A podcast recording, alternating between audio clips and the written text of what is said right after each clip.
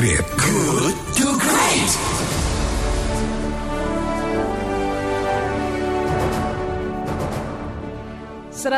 satu Kilat FM Bandung Inspiring Sound. Terima kasih sahabat Kilat Anda masih di Good to Great because good is the enemy is the enemy of great maksud kami.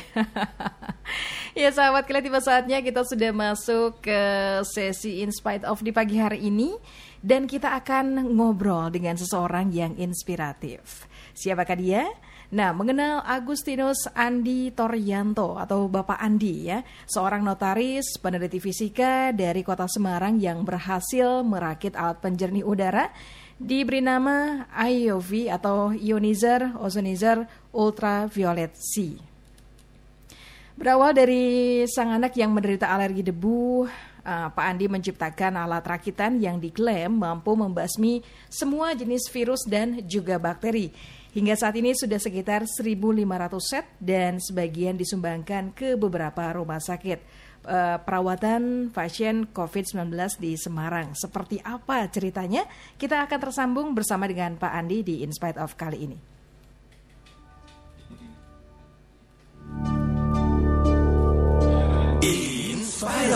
In spite of.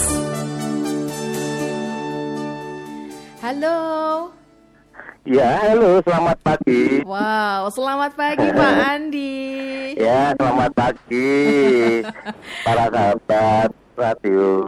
Kelight, ya. Pak Andi, apa kabar nih? Baik, baik, sehat. Alhamdulillah semuanya baik-baik saja dan tetap bersemangat. Luar biasa. Ini saya mendengar suara Anda begitu bersemangat pagi-pagi begini. Kalau tanpa semangat tidak ada pencapaian nanti. Luar biasa. Dimulai dari semangat pagi, yang lain-lainnya akan mengikuti.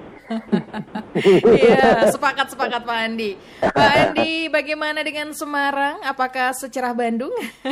ah, hari ini Semarang tidak terlalu cerah, agak mendung-mendung sedikit. Mm -hmm. Namun ya itu oke-oke aja. Kita it's harus okay bersahabat aja. dengan alam. Iya, betul. Pak Andi, ini Anda dikenal sebagai notaris, kemudian peneliti fisika dari Kota Semarang. Nah, baru-baru ini Anda berhasil merakit alat penjernih udara yang diberi nama IOV atau Ionizer Ozonizer Ultraviolet C. Ini uh, idenya berawal dari mana dan bisa dijelaskan kepada pendengar apa sih alat ini? Betul. Terima kasih. Jadi begini, awalnya adalah dari seorang anak saya yang menderita alergi debu. Mm-hmm. Kami membeli suatu produk made in Japan, harganya lumayan mahal. Mm-hmm. Di dalamnya itu hanya berisi ionizer dan HEPA filter. Tapi ternyata dalam perjalanan penggunaan spare part yang namanya HEPA filter itu cukup mahal. Mm-hmm. Bisa satu setengah juta satu kali ganti. Wow.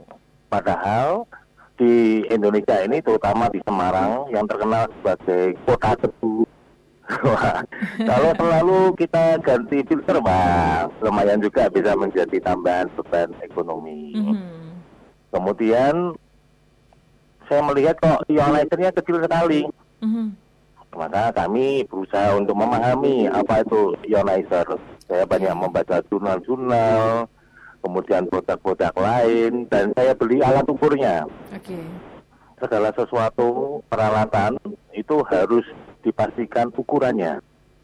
Jadi jangan cuma dari merek atau dari bentuknya, mm-hmm. ataupun sekedar fungsinya, namun harus terukur berapa yang diproduksi oleh alat tersebut. Mm-hmm. Nah, akhirnya saya mencoba dan berhasil membuat itu anak saya sudah sembuh sama sekali okay. istri saya yang sering batuk dan sangat mudah flu mm-hmm. itu juga setelah diberi alat tersebut ternyata hilang okay. gangguan-gangguan itu hilang mm-hmm. memang gangguan-gangguan virus akibat polutan yang ada di udara itu memang cukup banyak dan itu menjadi masalah kesehatan bagi banyak orang. Mm-hmm. Nah, semakin baik kualitas udara, semakin baik kesehatan manusia. Kita tidak pernah berhenti bernapas sepanjang itu kita. Mm-hmm. Maka kita harus berikan concern atau perhatian yang cukup pada kualitas udara. Baik, baik. Nah, virus itu termasuk rhinovirus atau flu itu dan COVID-19 Mhm. Itu termasuk yang uh, airborne atau mudah terbawa oleh udara. Mhm. Maka solusinya juga harus melalui udara. Baik. Nah, kami sangat sedih sekali kalau menyaksikan banyak penggunaan disinfektan kimia dengan cara disemprot atau dikapkan. Kalau itu terpapar terkena oleh manusia, ya pasti jangka pendek atau menengah atau panjang itu akan berpengaruh. Karena disinfektan kimia itu tidak diciptakan untuk manusia Mhm. terkena kulit atau terhirup sampai ke paru-paru. Maka ya terdorong oleh rasa sedih itu dan ingin turut serta menyehatkan masyarakat dengan benar, maka saya menggunakan metode fisika. Dengan menciptakan alat yang disebut IOV ini. Luar biasa sekali. Jadi berawal dari situ ya Pak Andi ya. Pak Betul. Andi ini eh, Anda berprofesi sebagai notaris, tapi juga menyelami dunia fisika. Ini bagaimana ceritanya? Kok bisa? Begini, memang saya ini seorang yang senang melakukan penelitian di banyak hal. Ah, Dulu dengan background teknik mesin saya, aha. Dan lima tahun bekerja di multi manufacturing di Semarang di PT Tensindo. Saya menjadi kepala bengkel atau workshop manager di sana. Oke. Kemudian di sana ada banyak kesempatan dan dituntut untuk menciptakan banyak alat bantu, Hmm. alat-alat bantu untuk produksi maksud saya. Nah, dari berangkat dari situ tergemblenglah semangat saya untuk selalu membuat inovasi-inovasi Mhm. Mhm. tentu saja yang berguna dan membuat lebih efisien dan efektif. Kemudian ya karena senang belajar, ya saya melanjutkan studi terus dari Mhm. mulai ilmu hukum, ilmu ekonomi, ilmu sosial politik, manajemen pendidikan, derajat strata tiga sudah saya ambil semua. Wow. Dari situ ya bisa Betul. karena biasa ya eh, terbiasa berinovasi, terbiasa Anda dengan pekerjaan Anda dulu akhirnya bisa menciptakan ide-ide baru seperti halnya ini Anda merakit IOV ini ya. Ini Pak Andi butuh eh, waktu berapa lama sih Anda merakit alat ini dan ini dari satu unit ini bisa habis biaya berapa nih? Baik. Bocorannya dong. Sebenarnya memulai suatu penelitian itu butuh waktu cukup lama. Mhm. Saya sendiri kurang lebih memerlukan waktu satu tahun. Satu tahun. Jadi untuk eh, membongkar, meneliti, mengukur, mengganti, mencoba merakit. Ada kalanya gagal, ada kalanya tidak jalan. Mhm. Tapi kemudian kita dengan tetap semangat ya akhirnya bisa terciptalah satu alat yang heavy duty Mhm. dengan komponen-komponen yang terukur semuanya.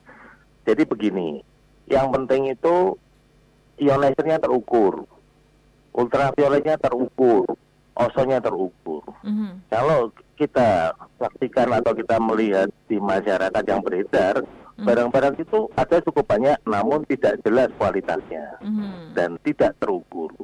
Berbahaya sekali.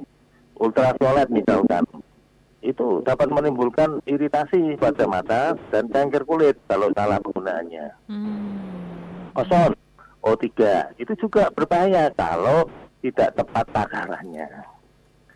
Sedangkan kalau ion, saya cenderung menyatakan itu relatif sangat tidak berbahaya. Mhm. Hanya karena kalau kapasitasnya kecil, ya jadi useless, tidak berguna. Demikian. Oke, kalau untuk biaya mungkin tidak bisa terkalkulasi berapa berapanya sih rata-ratanya ya Pak. Bisa, bisa. Sebenarnya pada saat ini HPT-nya, harga pokok produksinya kurang lebih satu juta rupiah. Satu juta rupiah untuk satu unit Iya, ya. Betul. Kalau Tapi saat ini ya. kami juga sedang menjajaki kerjasama dengan salah satu manufaktur elektronik terbesar Oh. di kota Semarang. Mhm. Kami ingin memproduksi dalam jumlah besar supaya bisa menekan harganya itu.